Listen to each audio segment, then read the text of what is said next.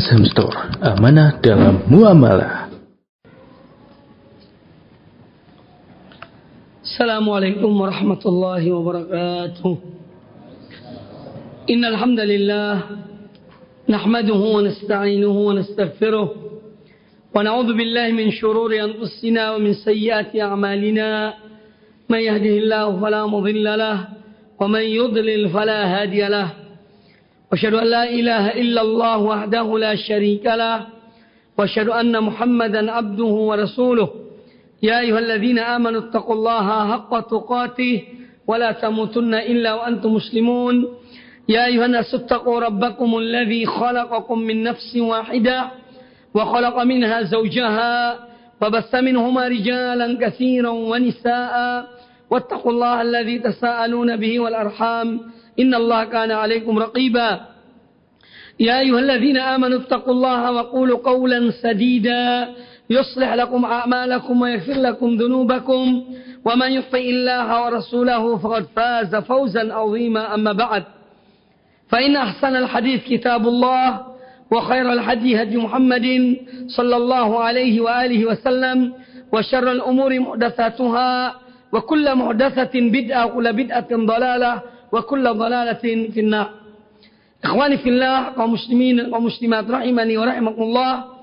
Alhamdulillah pada kesempatan yang baik ini kita dapat melanjutkan kajian pembahasan risalah aqidah sunnah wal jamaah yang ditulis oleh Syekh Al-Allamah Muhammad bin Shalih Al-Utsaimin rahimahullah taala rahmatan wasi'ah.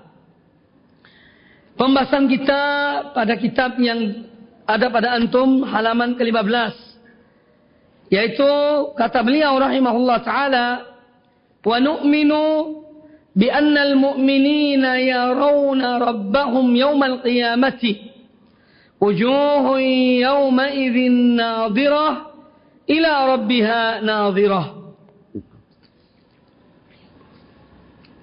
Dan kami ahlu sunnah wal jamaah beriman bahwasanya orang-orang yang beriman kaum mukminin mereka akan melihat Rob mereka pada hari kiamat kelak. Dalilnya adalah surat Al-Qiyamah ayat yang ke-22 dan ayat yang ke-23. Yaitu firman Allah Azza wa Jalla, wujuhu yawma. Wajah-wajah pada hari itu berseri-seri. Ya. Ila rabbiha nadirah kepada Tuhannya dia melihatnya. Yani wajah-wajah itu berseri-seri karena mereka melihat Rabbnya. Yaitu Allah Azza wa Jalla. Kata Al-Mu'allif rahimahullah ta'ala tentang masalah ini.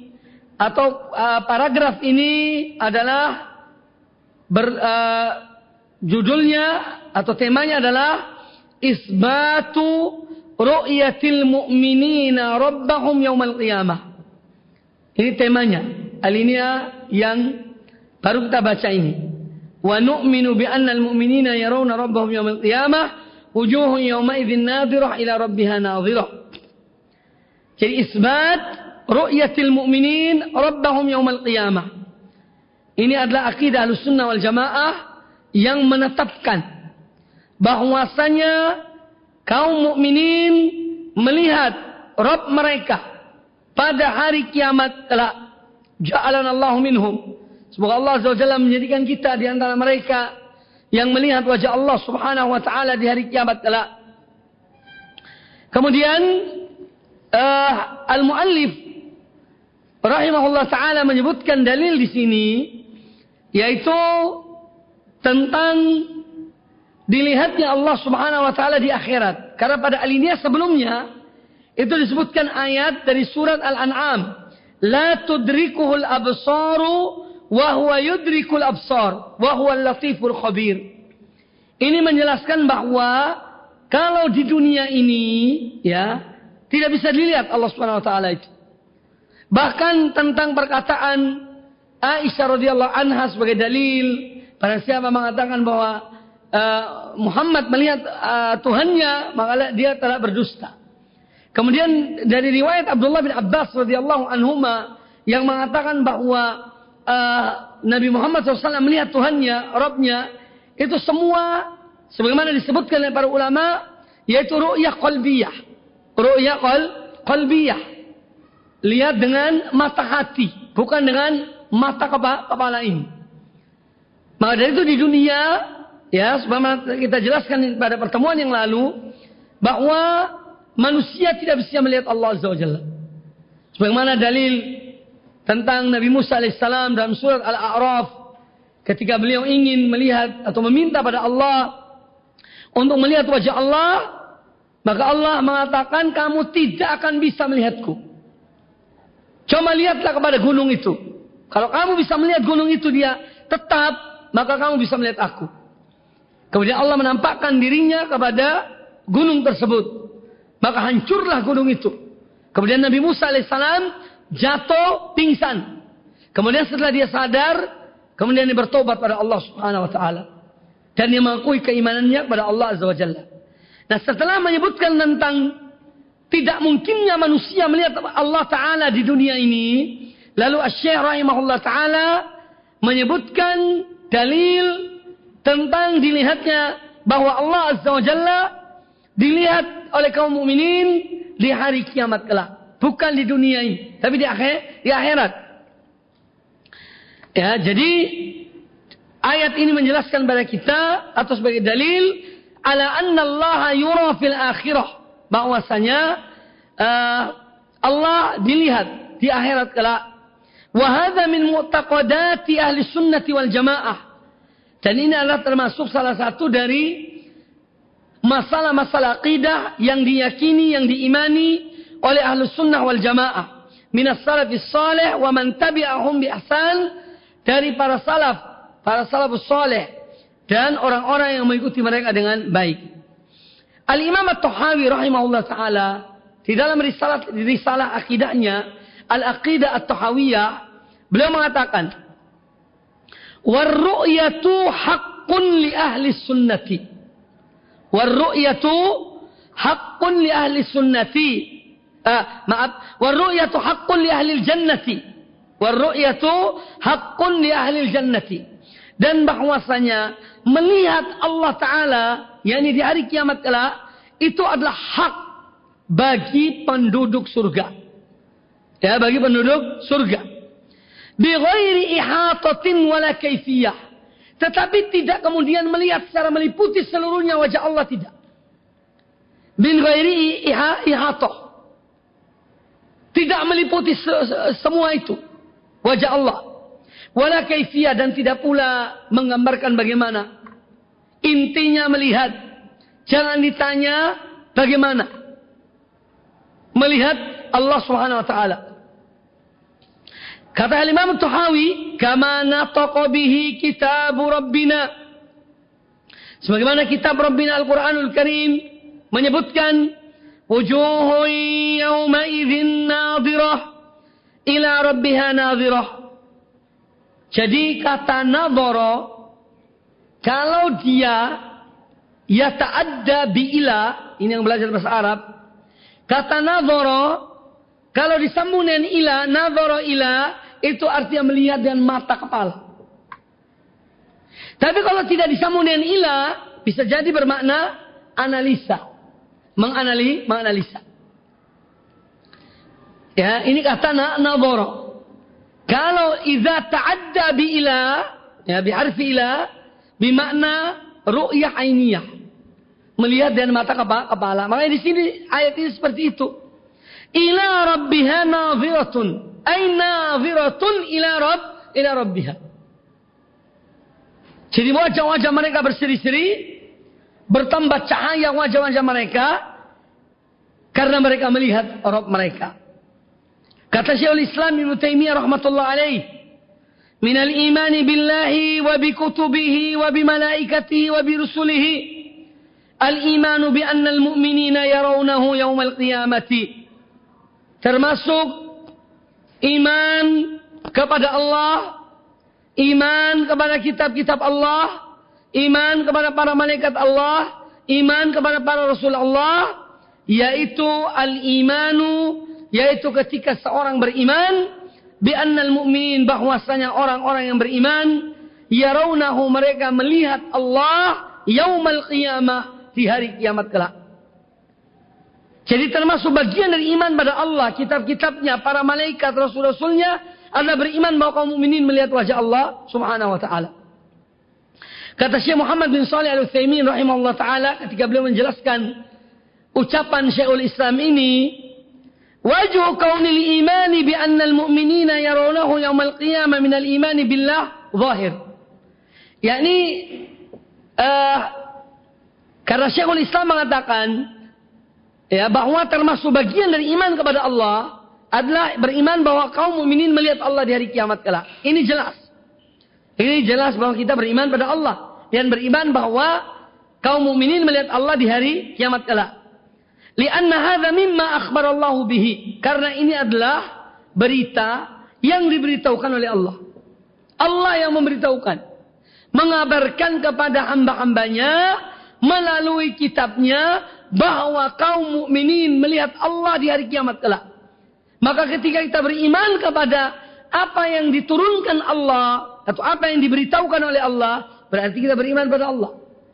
Kemudian, faiza amanna alianna hadza mimma akhbara bihi. Faiza amanna bihi. Nah, kalau kita beriman kepada Allah, fahuwa minal imani billah. Jadi kalau kita beriman pada berita tadi itu yang datangnya dari Allah, ini sama dengan kita beriman kepada kepada Allah wa wajhu kaunihi minal imani bil kutub adapun beriman kepada melihat wajah Allah di hari kiamat kelak termasuk bagian dari iman kepada kitab yakni kitab-kitab Allah artinya li'annal kutuba akhbarat bi anna Allah yura. Karena kitab-kitab Allah apalagi Al-Qur'anul Karim memberitahukan bahwasanya Allah akan dilihat yakni di hari kiamat kala. Fatasdiqu bidzalika tasdiqun bil kutub. Maka membenarkan ya apa yang membenarkan hal itu adalah merupakan membenarkan kitab-kitab Allah Subhanahu wa taala. Wa wajhu kaunihi minal imani bil malaikati. Dan bahwasanya beriman kepada melihat wajah Allah di hari kiamat kelak merupakan bagian dari beriman kepada para malaikat lianna lianna naqlal wahyi biwasitatil malaikah. Karena uh, peralihan wahyu itu dari Allah kepada para rasul ya adalah dengan perantaraan malaikat. Maka beriman kepada uh, apa yang dibicarakan pada hari yang pada pada saat ini berarti beriman kepada malaikat-malaikat Allah. Fa inna Jibril yanzilu bil wahyi min Allah taala. Karena Jibril turun dan membawa wahyu dari Allah taala. Fa kana al imanu bi anna Allah yura min al iman bil malaikah. Maka beriman kepada Allah, beriman kepada Allah atau bahwasanya Allah dilihat dan beriman bahwasanya Allah yura akan dilihat dari kiamat kelak ini merupakan bagian dari iman minal imani bil malaikah. Bagian dari iman kepada malaikat. Karena yang memberitahukannya adalah melalui perantaraan Jibril alaihissalam. Wa kadzalika naqul minal imani bir rusul. Demikian pula bahwa beriman kepada melihat wajah Allah di hari kiamat kala merupakan bagian dari iman kepada para rasul li'anna ar-rusula humul ladzina ballaghu dzalika lil khalqi karena para rasul mereka yang menyampaikan hal itu kepada hamba-hamba Allah. Fakana al-imanu bidzalika min al-imani bir-rusul. Maka iman kepada hal tersebut merupakan bagian dari iman kepada para rasul. Ini perkataan Syekhul Islam tentang iman kepada melihat wajah Allah di hari kiamat kelak. Adapun dalil-dalilnya sudah disebutkan tadi yaitu ayat 22 23 dari surah Al-Qiyamah ya wujuh yawma idzin nadhirah ila rabbiha nadhirah ini makna dari nadhirah kata Abdullah bin Abbas hasanah nadhirah artinya hasanah menjadi semakin indah kata Mujahid masrurah nadhirah artinya masrurah bergembira senang mereka. Kalau Ibnu Abi Zaid, ya, Ibnu Zaid naimah semakin ber, ber uh, uh, indah wajah-wajah mereka. Ya. Kata Muqatil, bidun ya'luhan nur. Nadhiro artinya menjadi putih, bercahaya wajah-wajah mereka. Ya, menjadi bercahaya atau memancarkan cahaya.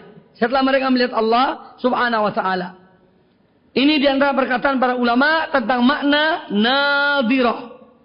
Kemudian ayat yang lain yang disebutkan sebagai dalil tentang melihat wajah Allah di hari kiamat kelak oleh kaum mukminin Allah taala berfirman dalam surat Al-Mutaffifin. Yaitu kalla innahum ar-rabbihim yawma idzin ini tentang orang-orang kafir. Sesungguhnya orang-orang kafir itu ya akan tertutup dari Tuhan mereka. Terhijab dari melihat Allah taala. Ini artinya apa Kaum mukminin melihat Allah. Kalau kaum kafirin dicegah, ya, diberi hijab sehingga mereka tidak melihat wajah Allah Taala, artinya kaum mukminin melihat wajah Allah Subhanahu Wa Taala. Ini dalil yang yang kedua. Kata Imam Malik rahimahullah taala dalam ayat ini surat Al-Mutaffifin ayat yang ke-15. Kalla innahum ar-rabbihim yawma idzin lamahjubun. Sesungguhnya mereka akan tertutup, terhijab dari uh, pada hari itu dari Rob mereka, yakni orang-orang kafir. Kata Imam Malik rahimahullah, "Lau lam yaral mu'minuna rabbahum yaumal qiyamati, lam yu'ayyirillahu al-kuffara bil hijab." Kalau seandainya kaum mukminin tidak melihat Rob mereka dari kiamat kelak, apa gunanya Allah mencela orang-orang kafir dan mengatakan bahwa mereka tidak akan melihat, akan terhi, terhijab? Tidak ada gunanya kalau kalau kaum mukminin juga tidak melihat, ya apa bedanya dengan kaum kafir? Paham ini ya? Jadi kata Imam Malik rahimahullah, ya kata beliau, "Laulam yaral mu'minuna rabbahum yaumal qiyamah." Kalau sekiranya kaum mukminin tidak melihat wajah Tuhan mereka di hari kiamat kelak, lam yu'ayyirillahu al-kuffar. Allah tidak akan mempermalukan, tidak akan mencela orang-orang kafir bilhi bil hijab. Yani bahwa mereka akan ditutup mereka tidak melihat Allah Ta'ala dari kiamat kelak. Karena ada hijab yang menutupi antara orang kafir dengan melihat Allah Subhanahu Wa Ta'ala. Jadi ini istimbat yang bagus sekali dari Imam Malik rahimahullah sebagai dalil bahwasanya kaum mukminin melihat wajah Allah Subhanahu wa taala. Karena kalau tidak melihat ya apa bedanya dengan orang-orang kafir tidak ada bedanya. Tidak ada per perbedaannya. Karena Allah mengatakan bahwa mereka tidak akan melihat Allah mereka dihijab, di di apa namanya di, di, di ditutup, ya, tidak diperlihatkan. Itu artinya kaum mukminin melihat. Makanya kemuliaan bagi kaum mukminin. Ini dalil yang kedua. Kemudian dalil yang ketiga yaitu firman Allah taala dalam surat Yunus ayat 26. Anna uh, Allah taala berfirman lilladzina ahsanul husna wa ziyadah. Bagi orang-orang yang ber, berbuat kebaikan, mereka mendapatkan al-husna, itu surga. Ya. Waziyadah. Dan juga ada tambahan. Wazia, waziyadah. Lilladzina ahsanu al-husna waziyadah. Bagi orang-orang yang mereka berbuat baik, bagi mereka adalah al-husna itu surga Allah Azza wa Jalla. Mereka dapat surga, kemudian ada tambahan waziyadah dan ada tambahan lain selain sur, surga. Kata Nabi alaihissalam, anna Nabi sallallahu alaihi wasallam fassara ziyadah bi ru'yati ahli jannati rabbahum. Bahwa Nabi SAW mengartikan ziyadah, menafsirkan ziyadah pada ayat ini, yaitu ru'yatu ahli jannah rabbahum, yaitu para uh, para penghuni surga itu kaum mukminin, mereka melihat Rabb mereka ya di hari kiamat kelak. Ini di antara dalil-dalil tentang melihat wajah Allah Subhanahu wa taala. Kemudian dalil yang lain dari sunnah Nabi alaihi salam hadis Jabir bin Abdullah radhiyallahu anhuma radhiyallahu an, an uh, hadis Jarir bukan Jabir hadis Jarir bin Abdullah al-Bajali radhiyallahu an Qal kata beliau kunna julusan lailatan lailatan ma'an Nabi sallallahu alaihi wasallam. Pernah kami sedang duduk-duduk pada malam bulan purnama bersa, eh, pada suatu malam bersama Nabi sallallahu alaihi wasallam. Fanadhara ila al-qamari lailata arba. Maka beliau Nabi sallallahu alaihi wasallam melihat pada bulan yang ketika itu malam 14. Malam tanggal 14. Jadi sedang terang benderangnya bu, bulan. Ya.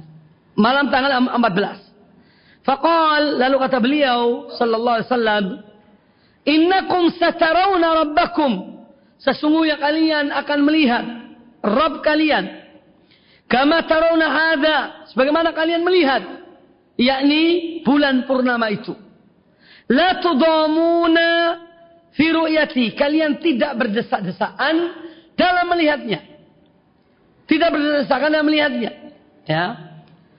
Fa in istata'tum an la tughlabu ala salati qabla ala salatin qabla tulu'i syamsi wa qabla ghurubiha faf'alu. Maka jika Anda mampu untuk tidak dikalahkan ya oleh oleh tidur atau kerjaan ya da, yaitu melaksanakan sholat sebelum terbitnya matahari dan sebelum terbenamnya matahari. Maka lakukanlah. Artinya perhatikan dua sholat ini. Sholat subuh dan sholat asar. Nah di sini intinya bahwa An-Nabi alaihi salatu wassalam menyebutkan bahwa kalian akan melihat Tuhan kalian atau Rabb kalian Sebagaimana kalian melihat ini, yaitu kepada bulan itu. La tudamuna artinya la ya la tudamuna ini artinya uh, la yanalukum zulamun atau zalamun bi an yara ba'dukum duna ba'd. Yakni kalian tidak akan tertutupi. Sebagian tidak akan tertutupi oleh sebagian yang lainnya. Ya, bal tastawuna kullukum fi ru'yatihi ta'ala akan tetapi kalian semuanya akan melihatnya dengan secara sama semuanya. Ya. Karena tidak berdesak-desaan. Semua bisa melihat. Ya. Di dalam riwayat yang lain la tudammuna. Ada tasydidnya. Kalau yang tadi itu tidak ada tasydidnya. La tudammuna. La tudamuna. Kalian yang di riwayat yang lain la tudamuna dengan tasdid mim. Ini artinya la yandammu ba'dukum ila ba'din wa la yaqulu ari, uh, arini bal kullun yanfaridu bi ru'yatihi. Yani kalian tidak saling desa-desaan, ya. Kemudian satu sebentar aku mau lihat dulu, ya sebentar saya itu tidak seperti itu. Tapi kul wahid, kullun yanfaridu bi ru'yati. Setiap orang akan melihat dengan dengan terang benderang, dengan nyata kepada Allah Subhanahu wa taala. Hadis ini riwayat Imam Ibnu Hibban dan yang lainnya dan hadis ini adalah hadis yang sahih. Kemudian ada hadis yang lain Abu Hurairah radhiyallahu anhu. Beliau berkata, qala unasun, ada sebagian sahabat mengatakan, "Ya Rasulullah, Hal naro Rabbana yaumal qiyamah? Wahai Rasulullah, apakah kita akan melihat Rabb kita di hari kiamat? Faqal, Hal tudamuna fi syamsi laisa dunaha sahabun. Apakah kalian berdesak-desaan melihat matahari ya pada satu hari yang tidak ada awannya? Kalau la ya Rasulullah. Kata para sahabat tidak. Di hari yang terang benderang tidak mungkin melihat matahari dan berdesak-desaan. La ya Rasulullah. Qal hal tudarruna fi al-qamari Lailatul Badri laisa dunaha sahab? Apakah kalian akan juga berdesa-desaan melihat matahari, melihat bulan pada malam purnama yang mana pada malam itu tidak ada awan sedikit pun? Qalu la ya Rasulullah. Kata para sahabat tidak wahai Rasulullah. Ya. Fa eh, qal maka Nabi sallallahu kemudian mengatakan fa innakum tarawnahu yaumal qiyamati kadzalika. Sesungguhnya kalian pun akan melihat Allah di hari kiamat seperti itu juga. Ini dalam arti uh, lihat dengan lihat. Bukan menyerupakan Allah seperti bulan atau seperti matahari, seperti matahari. Ini harus dipahami, ya. Jadi intinya dalam melihat tidak berdesa-desaan. Tapi bukan menggambarkan bahwa Allah ya maksudnya Allah dari menyerupai makhluknya. Ya. Jadi ini adalah persamaan antara ru'yah dan ru'yah. Bukan yang dilihat dan yang dilihat tidak. Bukan menyamakan matahari dengan dan Allah Taala atau bulan dan Allah Taala tidak. Tapi dalam melihatnya tidak ada yang berdesa-desaan, terang benderang jelas melihatnya. Itu maksudnya dari hadis-hadis ini. Kemudian kata Al-Musannif rahimahullah taala Wa nu'minu بأن الله تعالى لا مثل له لكمال صفاته dan kami beriman yaitu al-sunnah wal jamaah beriman bahwasanya Allah Ta'ala la misla lahu tidak ada yang menyerupainya likamali sifatihi karena kesempurnaan sifat-sifat Allah Ta'ala laisa kamitslihi syai'un wa huwa samiul basir Tiada sesuatu pun yang menyerupainya dan dia yang maha mendengar lagi maha melihat. Ini dalam surat Ash-Shura ayat yang ke-11. Surat Ash-Shura ayat yang ke-11. Di sini dalam masalah ini uh, disebutkan bahwa Al-Muallif rahimahullah taala menjelaskan kepada kita tentang akidah Ahlussunnah wal Jamaah tentang Allah taala bi annahu laisa kamitslihi syai'un. Bahwa Allah taala tiada satu pun dari makhluk ciptaannya yang menyerupainya. La fi dzatihi, baik zatnya, wala sifatihi, baik sifatnya, wala af'alihi dan juga perbuatan-perbuatannya. Wa dzalika likamalihi. Itu semua karena kesempurnaan Allah Azza wa Jalla maka tidak ada satu makhluk pun yang menyerupai Allah Subhanahu wa taala dalam zatnya, dalam sifat-sifatnya dan di dalam perbuatan-perbuatan Allah Subhanahu wa taala. Allah Azza wa Jalla berfirman dalam surat Maryam ayat yang ke-65 Rabbus samawati wal ardi yaitu Allah adalah Rabbus samawati wal ardi yang menguasai, yang menciptakan, yang memiliki uh, langit dan bumi. Wa ma bainahuma dan yang berada di antara keduanya. Fa'buduhu wastabir li ibadatihi. Maka sembahlah kalian, beribadalah kalian kepada Allah, wastabir li ibadatihi dan bersabarlah di dalam beribadah kepadanya. Hal ta'lamu lahu samia. Ay hal ta'lamu lahu samia ay syabiha atau masih masila. Jadi apa kalian mengetahui ada yang sama dengan dia? Jawabannya tidak. Jadi tidak ada satu pun yang menyerupai Allah Ta'ala. Ayat ini, ayat 65 dari surat Maryam. Rabbus samawati wal ard. Ini menunjukkan ya apa? Rabbus samawati wal ard wa bainahuma. Tauhid rububi, rububiyah. Dia menciptakan, dia yang menguasai, dia yang mengatur alam semesta ini. Fa'buduhu wastabir li ibadatihi. Maka sembahlah kalian dan bersabarlah dalam beribadah kepadanya. Ini tauhid uluhi uluhiyah. Ya, hal ta'lamu lahu samia? Apa kalian mengetahui ada yang menyerupai Allah, yang sama dengan Allah, yang sebanding dengan Allah? Ini tauhid asma wa wasifat. Jadi kata Syekh Muhammad bin Shalih Al-Utsaimin rahimahullah taala, ayat 65 dari surat Maryam ini salah satu ayat yang mengumpulkan tiga macam tauhid. Tauhid rububiyah, tauhid uluhiyah, dan tauhid al-asma wa sifat.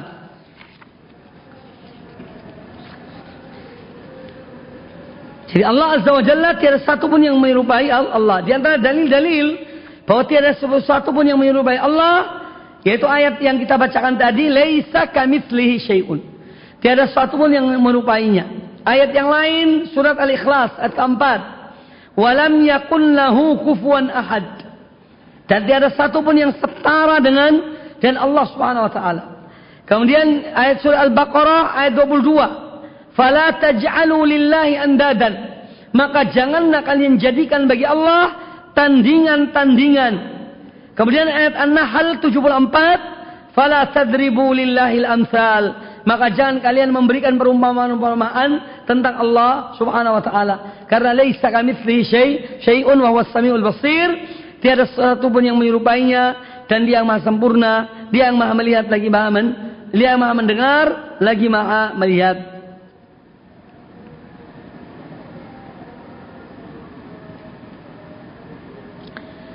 Kata Syekhul Islam Ibn Taimiyah rahmatullah alaih, "Na'lamu anna Allah la mithla lahu wa la kufuwa wa nidda."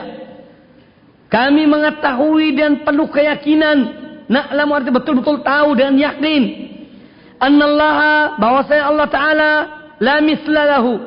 Tiada satu pun yang sama dengan dia, yang semisal dengannya. Wala kufuwa, tiada satu pun yang setara dengannya wala nidda dan tiada pun yang yang se, yang uh, sebanding dah dengannya dengan Allah Subhanahu wa taala. Ini semua ayat-ayat yang menunjukkan bahwa Allah taala tiada satu pun yang menyerupai Allah Azza wa Jalla.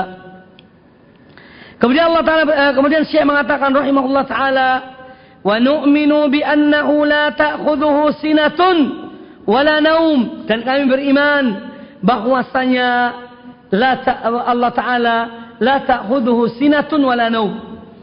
Tiada uh, Allah itu tidak mengantuk dan tidak tidak ngantuk dan tidak pula tidur. Ya, jadi sanatun sinatun sunnatun. Di-hati loh, ini tiga kata harokat sinnya berbeda. Ya, sa si su. Sanatun itu tahun. Jangan salah harokat. Iya. Sanatun tahun. Sinatun ngantuk. Sunnatun sunnah. Ya. Ini harakat yang sinnya ada tiga. Tiga harokat pada si sinnya. La ta'khudhuhu sinatun wala naum. As-sinatu artinya an-nu'as. As-sinah di mana an-nu'as? Nu'as ngantuk. Ya. Nu'as itu kan ngantuk. Wahia muqaddimatu an-naum. Ngantuk itu adalah muqaddimatun naum. Permulaan tidur itu kan ngantuk. Muqaddimah. Ya. Muqaddimatun naum. Sebelum tidur orang ngantuk. Ya. Wahia muqaddimatun naum. Kemudian uh, dan Allah tidak mengatakan di sini la, la ta'khudhu sinatun wala yanam. Allah tidak mengatakan wala yanam. Allah tidak tidur. Tapi Allah mengatakan wala naum. La ta'khudhuhu sinatun wala wala naum. Kenapa bukan yanam? Kok naum yang dipakai masdar? Ya. Kata para ulama, li'anna an-nauma yakunu bi ikhtiyar. Karena tidur itu dengan ikhtiar. Seorang kalau mau tidur, tidur. Dia memilih untuk tidur. Ya. Sedangkan di sini takhud. La ta'khudhuhu sinatun wala naum. Ini Allah Ta'ala takhud di sini artinya bil qahar. Dia maksa. Sedangkan yanam itu dengan dengan uh, pilihan. Jadi Allah Ta'ala tidak bisa. Ngantuk itu tidak bisa mengalahkan Allah Ta'ala. Apalagi tidur. Allah tidak tidur dan tidak, tidak ngantuk. Ya. Kemudian wanau min sifatin naqas. Demikian pula karena tidur itu adalah salah satu sifat kekurangan bagi Allah Ta'ala. Kalau manusia, ya sifat sempurna. Kalau ada manusia yang tidak ngantuk, tidak tidur, ya sakit namanya. Sa sakit. Jadi kalau ada orang Masya Allah tidak tidur 30 tahun. Pernah dengar kan di, di apa, pernah viral dulu. Ya, ada orang tidak tidur 30 tahunnya sakit artinya. Ya. Sakit. Kita harus tidak bisa tidur dua hari langsung datang ke dokter. Dok, aku ini dua hari tidak bisa tidur dok. Paham? Jadi eh, Allah Subhanahu Wa Taala itu maha sempurna. Ya, Sifat tidur itu adalah sifat sifat yang kurang, kekurangan bagi Allah Taala, sifat tercela. Ya. Adapun bagi manusia tidur adalah sempur, sempurna, ngantuk adalah sempur, sempurna. Innallah, kemudian Nabi SAW bersabda dalam hadis riwayat Imam Muslim, Innallaha la yanamu wa la yanbaghi lahu an yanam. Sesungguhnya Allah itu tidak tidur dan tidak sepatutnya Allah itu tidur. Ya. Nah, ketika ayat ini la ta'khudhuhu sinatun wala naum, Allah itu tidak ngantuk dan tidak tidur. Ini mengandung dalil akan kesempurnaan sifat hidup bagi Allah Ta'ala. Huwal hayyul qayyum. Allahu la ilaha illa huwal hayyul qayyum. La ta'khudhuhu sinatun wala naum. Kalimat ini meneguhkan kalimat sebelumnya. Allah la ilaha illa huwal hayyul qayyum. Allah tiada sembahan yang hak kecuali Dia yang maha hidup, yang berdiri sendiri, yang mengatur seluruh alam semesta ini. Itu al-hayyul qayyum. Nah, dia tidak ngantuk dan tidak tidur, ini penekanan pada sifat yang se sebelumnya. Yaitu apa? Al-hayyu al-qayyum. Jadi menunjukkan kesempurnaan uh, kehidupan Allah Ta'ala dan qayyumiyah Allah Subhanahu Wa Ta'ala. Karena dialah yang mengatur, memelihara. Coba tidak bisa dibayangkan kalau Allah itu tidur. Seperti apa makhluknya? Ya. Makanya Allah tidak tidur dan tidak ngantuk. Kulla yaumin huwa fi sya'nin.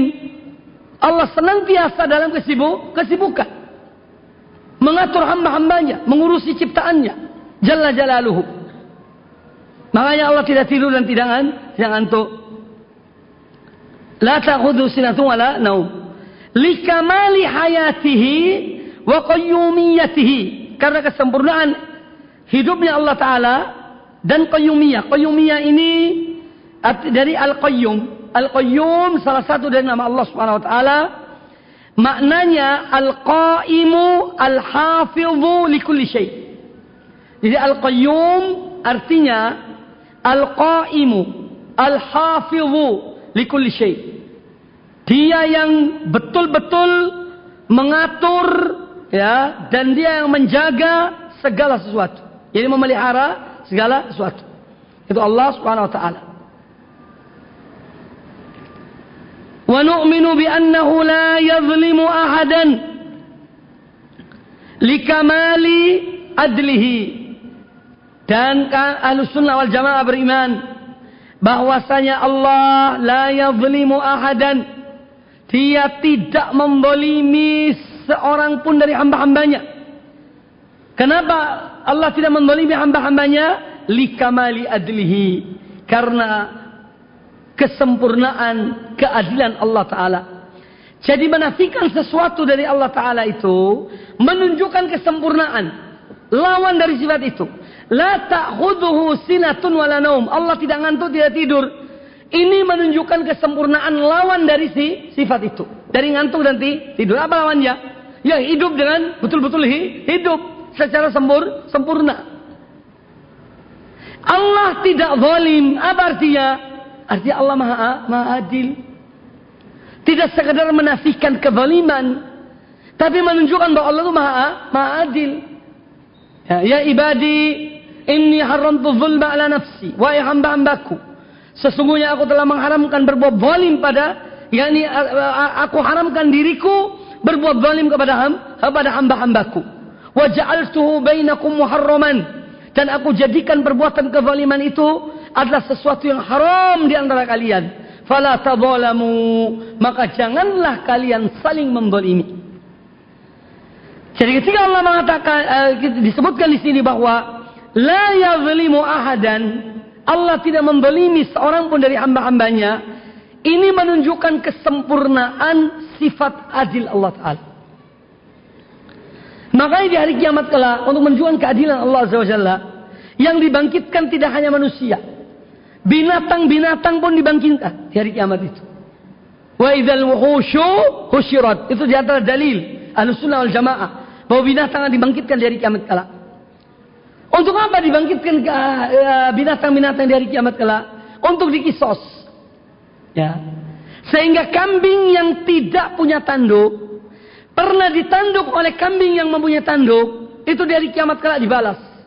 Kambing yang tidak punya tanduk yang pernah ditanduk oleh kambing yang mempunyai tanduk, kambing ini akan membalas menanduk kambing yang mempunyai tanduk yang pernah menanduknya di dunia ini. Setelah dilaksanakan keadilan itu semuanya, baru kemudian binatang-binatang itu dijadikan debu. Dijadikan debu. Binatang-binatang yang dibangkitkan oleh Allah Ta'ala untuk dikisos atas jadi apa namanya kehidupan mereka di dunia ini, yaitu binatang-binatang itu. Setelah dikisos, saling balas, kemudian Allah jadikan binatang-binatang itu sebagai de, debu. Setelah binatang-binatang menjadi debu itu disaksikan oleh orang-orang kafir. Yang mereka itu digiring ke neraka. Mereka melihat bahwa binatang-binatang itu apa? Sudah menjadi de, debu. Maka kata orang kafir, wa qala al-kafiru ya laitani kuntu turaba. Mereka pun berangan-angan orang kafir seandainya aku juga menjadi de, debu. Menjadi ta, tanah. Itu karena mereka melihat binatang-binatang itu yang sudah dikisos satu dan yang lainnya itu dijadikan debu oleh Allah Subhanahu wa taala, jadikan ta tanah oleh Allah Subhanahu wa taala. Maka orang kafir berangan-angan.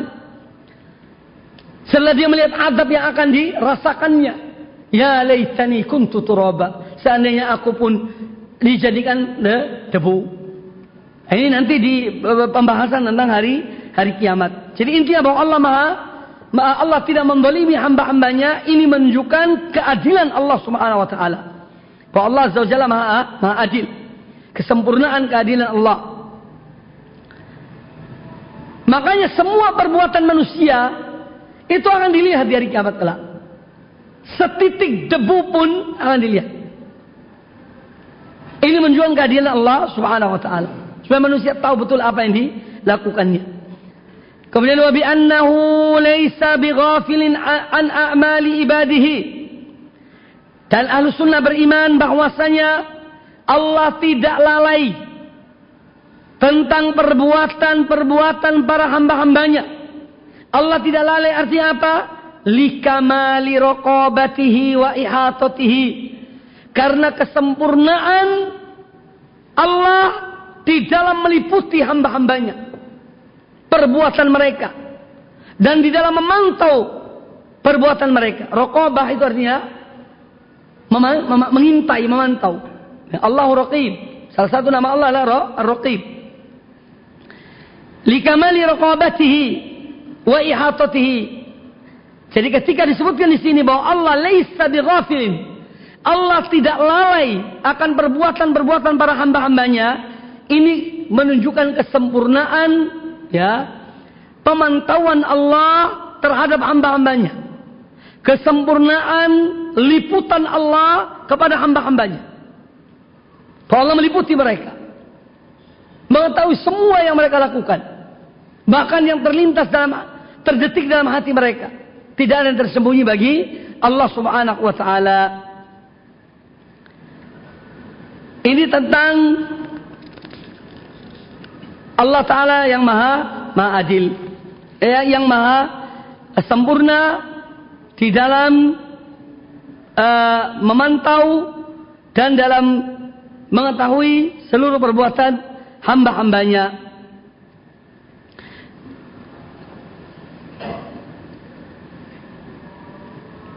Di dalam Al-Quranul Karim, di antara dalil yang lain tentang apa yang disebut oleh beliau, yaitu dalam surat uh, Al-Baqarah ayat 74 Allah taala berfirman Wa ma بِغَافِلٍ أَمَّا amma Al-Baqarah ayat 74 Kemudian dalam surat Ibrahim ayat 42 Allah taala berfirman Wala اللَّهَ ghafilan amma يَعْمَلُ dhalimun. Dan janganlah sekali-kali kamu mengira bahwasanya Allah lalai Ghafil pula lalai. Dan janganlah sekali-kali kalian kamu mengira bahwasanya Allah lalai amma ya'malu zalimun dari apa-apa yang dilakukan oleh orang-orang yang zalim. Inna ma yuakhiruhum liyaumin. Sesungguhnya mereka itu hanyalah diakhirkan, ya, ditangguhkan untuk suatu hari liyaumin taskhasu fihi al-absar yang mat, yang mana mata ma, manusia pada hari itu semuanya terbelah, terbelalak.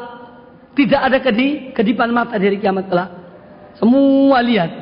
Tak sempat kedip. Itu hari kiamat. Karena semua melihat perbuatannya, melihat kejadian-kejadian yang yang dahsyat. Jadi intinya itu dalil-dalil masih banyak sebetulnya bahwa Allah Ta'ala tidak ghafil karena dia sempurna dalam meliputi. Seperti dalam surat Fussilat ayat 54. Ala innahu bikulli syai'in muhit. Likamali ihatatihi. Harus sebutin gitu. Karena sempurna, liputan Allah itu sempurna. Allah meliputi segala sesuatu. Dalam perbuatan mereka. Ala innahu bikulli syai'in muhit. Ketahuilah bahwasanya dia Allah meliputi segala sesuatu. Ya, meliputi segala sesuatu. Kemudian dalam surat Al-Anfal 47, Wallahu bima ya'maluna muhit. Dan Allah meliputi semua apa yang mereka kerjakan, apa yang mereka lakukan. Semua diketahui oleh Allah Subhanahu wa taala. Nah, itulah di antara pembahasan kita pada malam hari ini insyaallah taala kita lanjutkan pada pertemuan akan datang yaitu berkaitan dengan masih tentang Allah Subhanahu wa taala wa nu'minu bi annahu la yu'jizuhu syai'un. Bahwa tidak ada sesuatu pun yang bisa mengalahkan melemahkan Allah taala. Fis samawati wala fil ard baik yang di langit maupun yang di bumi. Likamali ilmihi wa qudratihi karena kesempurnaan ilmu Allah dan kesempurnaan kekuatan Allah atau kekuasaan Allah taala. Insyaallah pada pertemuan yang akan datang. Aku qouli hadza wallahu taala alam. Subhanakallah wa bihamdika asyhadu an la ilaha illa anta astaghfiruka wa atubu ilaik. Wa sallallahu wasallam wa barak ala nabiyyina wa ala alihi ajma'in. Assalamualaikum warahmatullahi wabarakatuh.